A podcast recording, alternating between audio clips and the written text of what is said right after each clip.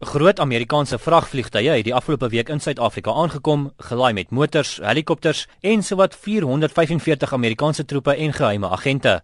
'n Verdedigingsontleder, Helmut Gromer Heitman, sê daar is in die verlede verskeie aanvalspogings gemaak op die lewens van Amerikaanse presidente en verduidelik dit hoekom daar altyd 'n magtombeskerming rondom hulle is. He always travels with a fairly substantial security team.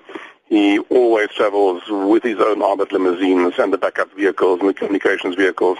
To countries like South Africa, coming with the president would not only be his immediate staff, but the Secret Service protection detail, the, the armored limousine for himself, a couple of other armored escort vehicles, a mobile resuscitation vehicle in case he gets hurt, some helicopters to do a quick evacuation if necessary, or move move the special uh, Secret Service people around the place.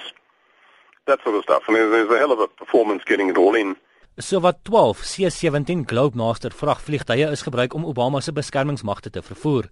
Die vliegtuie het aanvanklik by die Waterkloof lugmagbasis in Pretoria geland waar hul vrag afgelaai is. Well, basically a C-17 can carry almost anything.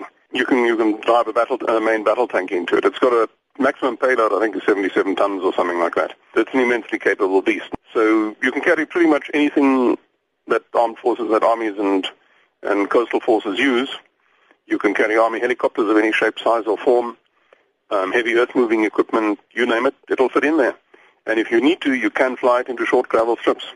Waterkloof het volgens Romer Heitman nie genoeg brandstof in voorraad om die vliegtye mee vol te maak nie. Die vliegtye het dus na Lanseria vertrek. Vier van hulle staan steeds by die lughawe. Vyf van die vliegtye het reeds met nog helikopters en soldate na Kaapstad vertrek. The bulk of them would stay here because he's not going to be here that long. But it may well be that some of them are stationed maybe at Diego Garcia and have other duties as well. So they're scheduled to take this flight down, deliver something, fly back and come and somebody else picks it up later on.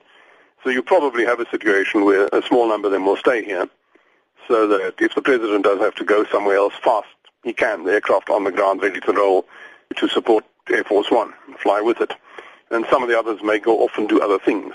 Alhoewel Obama vir sy eie brandstof moet betaal, word landings- en parkeringsfooie nie gehef op besoekende militêre vliegtye nie. Ek is Justin Kennerly in Johannesburg.